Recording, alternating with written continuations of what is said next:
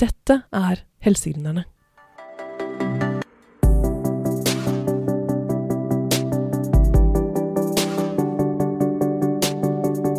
I dagens episode har jeg med meg kirurg og gründer Katja Vettvik, som startet selskapet Thelper i 2019 etter mange års erfaring med virus- og kreftrelatert forskning. Og det er litt morsomt, fordi vi har funnet ut at vi har ganske mye til felles. Eh, vi er begge leger, vi er begge gründere, og vi er begge finske. Men så tenkte vi at for lytterne så er det kanskje litt vanskelig hvis vi tar podkasten på finsk, så jeg fornøyer meg med å si tervetuloa, Katja. Kitos. Velkommen i studio. Tusen takk. Hvis eh, jeg skulle fått deg til å forklare hva dere gjør på en enkel måte, for dere skriver jo i Thelper eh, at dere utvikler banebrytende antivirale immunoonkologiske behandlinger. Det er ganske mange store ord. Kan du forklare med litt enklere ord hva det er dere egentlig gjør? Ja, da må jeg begynne med litt bakgrunn først. Ja. Eh, det er vist eh, både av oss og andre tidligere eh, at det finnes et virus til stede i hissige kreftceller. Rollen av dette viruset for selve kreften har ikke vært så kjent, og det har til og med vært omdiskutert. Vi har studert et protein som lages av dette viruset. Vi og også noen andre har oppdaget at dette virusproteinet er til stede på overflaten av sinte svulster, men er ikke til stede i friske celler og vev som ikke bærer viruset. Vi har utviklet bindingsmolekyler som fester seg veldig spesifikt og godt på dette virale proteinet på overflaten av kreftceller. Vi kan dermed binde til og bruke veldig aggressive metoder for å drepe kreftcellene. Eh, kort sagt, metoden vår handler om å finne, feste og fikse kreftcellene. Imponerende. Eh, og du nevnte at dere har jo påvist dette tidligere. eh, og flere har også påvist dette før, men, men det virker jo som ganske ny forskning. Er dette nytt? Det er ikke nytt. Det, dette kom fram første gangen på 70-tallet, eh, når andre kreftviruser ble oppdaget. Men så var det vanskelig å reprodusere eh, disse resultatene. Eh, Og eh, det ble sagt at dette viruset ikke er aktuelt ved kreft. Og så har vi, eh, og noen andre har eh, faktisk eh, tatt opp denne tråden igjen allerede fra 2000. Og så eh, har det kommet eh, mer og mer resultater eh, som er positive. eh, som, som viser at dette viruset, faktisk er der. Og det viser både min tidligere forskning og også eh, det som vi har nå. Så ved hjelp av, av dette viruset så kan dere faktisk eh, identifisere kreft Altså det, det er markører på overflaten av disse cellene som dere kan angripe for å angripe kun eh, aggressive kreftceller. Ja, og spare de friske cellene i kroppen. Och eh, när vi først har en fäste til kreftceller eh, kan vi bruke ulike metoder for å fikse eller eliminere dessa. Eh, den ene metoden som vi bruker er en slags eh, biologisk koblingsprotein kopplingsprotein eh, som lenker sammen kreftceller med pasientens egne immunceller. Eh, Denne kopplingen mellom begge celletypene vil samtidig aktivere immuncellene til å drepe kreftcellene. Så man får kroppen selv til å angripe kreftcellene. Nettopp. Og den andre typen av behandlingen som vi utvikler, eh, benytter våre bindingsmolekyler for å transportere giftmolekyler eh, inn i kreftcellene. Giften aktiveres først når den kommer inn i kreftcellene. Eh, begge disse metodene kan drepe kreftceller på en veldig effektiv måte, men virker ikke i normale celler, eh, da vårt målprotein ikke er til stede der. Eh, Dette gjør at disse behandlingene kan være effektive og aggressive mot kreftceller, men samtidig eh, eh, eh, trygge mm. og gi færre bivirkninger enn eh, nåværende kreftbehandlinger. Eh, Og begge typer av behandlinger har blitt brukt mot andre målproteiner eh, tidligere, og har vi nylig vist utrolig gode resultater i kliniske studier. Wow. Um, hva slags type kreftformer er det dette retter seg mot, egentlig? Eh, Vi utvikler behandling mot eh, aggressiv og metastiserende brystkreft. Men eh, vi ser også eh, muligheter eh, på, på at vi kan eh, utvikle samme produkter deretter mot, mot andre hissige krefttyper. Men må de være hissige? Er det på en måte et, en betingelse for disse virusene? Eller disse kreftcellene, mener jeg? Eh, vi ser at uh, vårt målprotein er uh, mer ofte, eller oftere til stede i de mer aggressive typene. Mm. Så det er naturlig å starte der. Og det er der også man har de største behovene å finne nye behandlinger. Mm. Og hvor mange pasienter er det dette rammer, f.eks. i Norge, da, hvert år? hvis vi er forsiktige, så, så, så, tror jeg at det er mellom 5000 til 10 000 pasienter, i hvert fall. Mm. Om man regner med alle mulige krefttyper. Mm. Og, og, er det mange? Er det, mange? er det en stor gruppe pasienter? Um, jeg mener at det er nok. Eh, det er nok. Det er egentlig en voldsom marked om man ser helt internasjonalt. Vi utvikler ikke bare medisiner for Norge, men, mm. men for hele verden. Ja. Nå skal du få et litt eh, tøft eh, og kanskje litt vanskelig spørsmål når jeg skal være litt sånn djevelens advokat. Fordi um, må vi kurere alt som samfunn? Er det, er det noe vi bare må, må leve med at det er uhelbredelig? Eh, jeg elsker dette spørsmålet.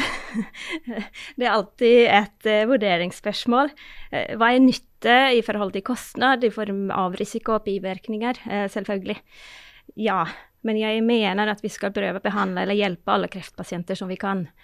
alt annet skulle være inhumant. Mm.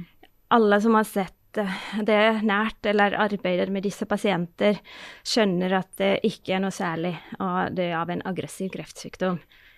Uh, og det er helt klart at livsstilsfaktorer og alderdom spiller inn, eh, også når det gjelder dette viruset. Eh, det handler om at i enkelte situasjoner er immunforsvaret fit nok eller kapabel for å håndtere kreften. og andre siden kan det også handle om genetikk. det finnes også mange kreftpasienter som bare har uflaks. Eh, jeg har vært med å operere svært gamle pasienter, eh, noen som er nære 100 år gammel. Og vi opererte ikke for å forlenge livet, eh, men for å forebygge at kreften vokste gjennom huden og ga sår som skulle være smertefulle og vanskelig å stelle. Mm. Så jeg mener at kreft skal behandles så langt som vi kan, og så langt som det er fornuftig, av humanitære årsaker, og nesten uansett hvem det gjelder. Mm. Veldig godt poeng der. Ja. At det faktisk kan være samfunnsøkonomisk gunstig å få behandlet også de litt mer sjeldne aggressive typene kreft, fordi de får så mange komplikasjoner også. Eh, absolutt. Eh, absolutt. Og så eh, vil jeg gjerne diskutere hvordan vi skal behandle kreft. Mm. når, når, vi først har opprettet spørsmålet. Det er jo veldig inn i tiden å lage og utvikle skreddersydde behandlinger for kreftpasienter. Eh, en del av disse metodene krever stort analysearbeid eh, for å finne ut spesifikke markører eller mutasjoner i enkelte kreftsvulster hos enkelte pasienter. Eh, deretter lages det helt egne behandlinger for enhver pasient. Jeg mener at denne typen av metoder kan være veldig effektive og nødvendige i noen situasjoner, men etterlyser også realismen i dette. Jeg tror ikke at ressursene kan rekke til å behandle alle pasienter på denne måten. Eh, ikke i hvert fall de mer fattige landene. Eh, så vi lager behandlinger som kan være hyllevare. Eh, det vil bli mer kostnadseffektivt når samme behandling kan gis til alle pasienter.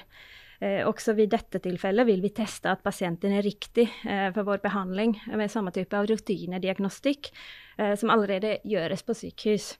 Det er viktig å sørge for at pasienten kan ha nytte av behandlinga før de administreres. Eh, dette både for å spare unødvendige kostnader, men også for å ikke utsette pasienter for eventuelle bivirkninger eller unødvendig risiko uten mulighet for positiv effekt. Mm. Ikke sant. Så, så, egentlig så Vi har jo gått fra eh, å drive med generell behandling til å fokusere mer på personspesifikk eh, person behandling. Og egentlig så er dette her et mål om å gå tilbake til generell behandling, men da rettet kun mot visse typer kreftceller. Altså man blir egentlig på en måte helt spesifikk i behandlingen, men er generell samtidig. Det er jo en spennende utvikling. Ja. vi får se om vi lykkes med det. Ja. ja.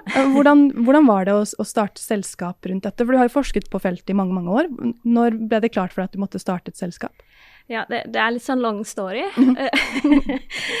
jeg må si at jeg har alltid ønsket å bli gründer.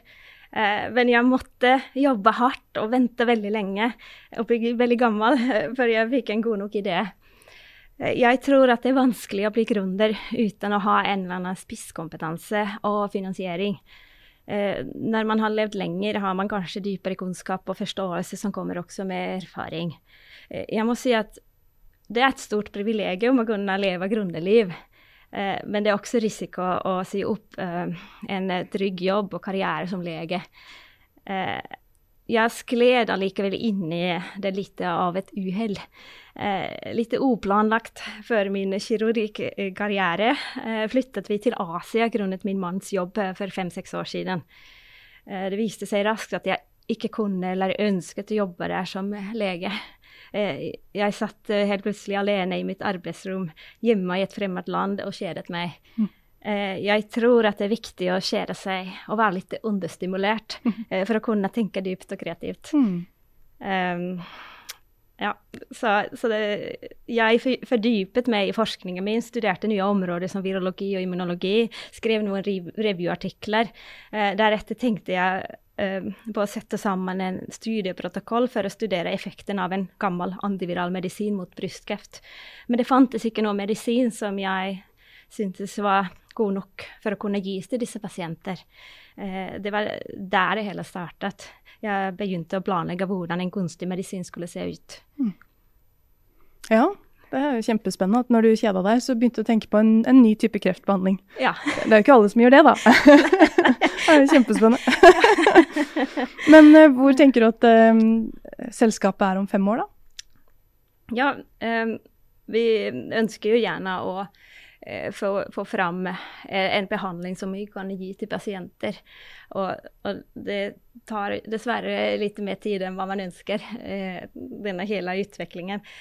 Men om fem år håper jeg at vi har allerede kjørt noen studier hos pasienter som gjerne da er kvinner med aggressiv eller metastaserende trippelnegativ brystkreft. Mm.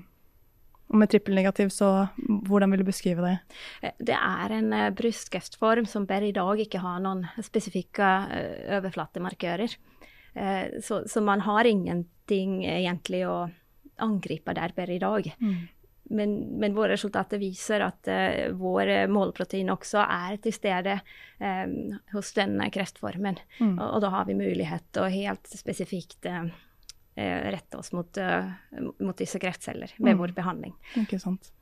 Altså man kan nesten si at det er som at uh, overflaten på disse kreftcellene er som en ball, og den, den, ballen har man egentlig tenkt at ikke har noen former for knagger som man kan feste kreftmedisiner på. Ja. Men nå har dere klart å se at det kanskje er en knagg der, som yes. man allikevel kan bruke. Yes. Det er jo veldig det, det, gir jo håp da, for disse pasientene.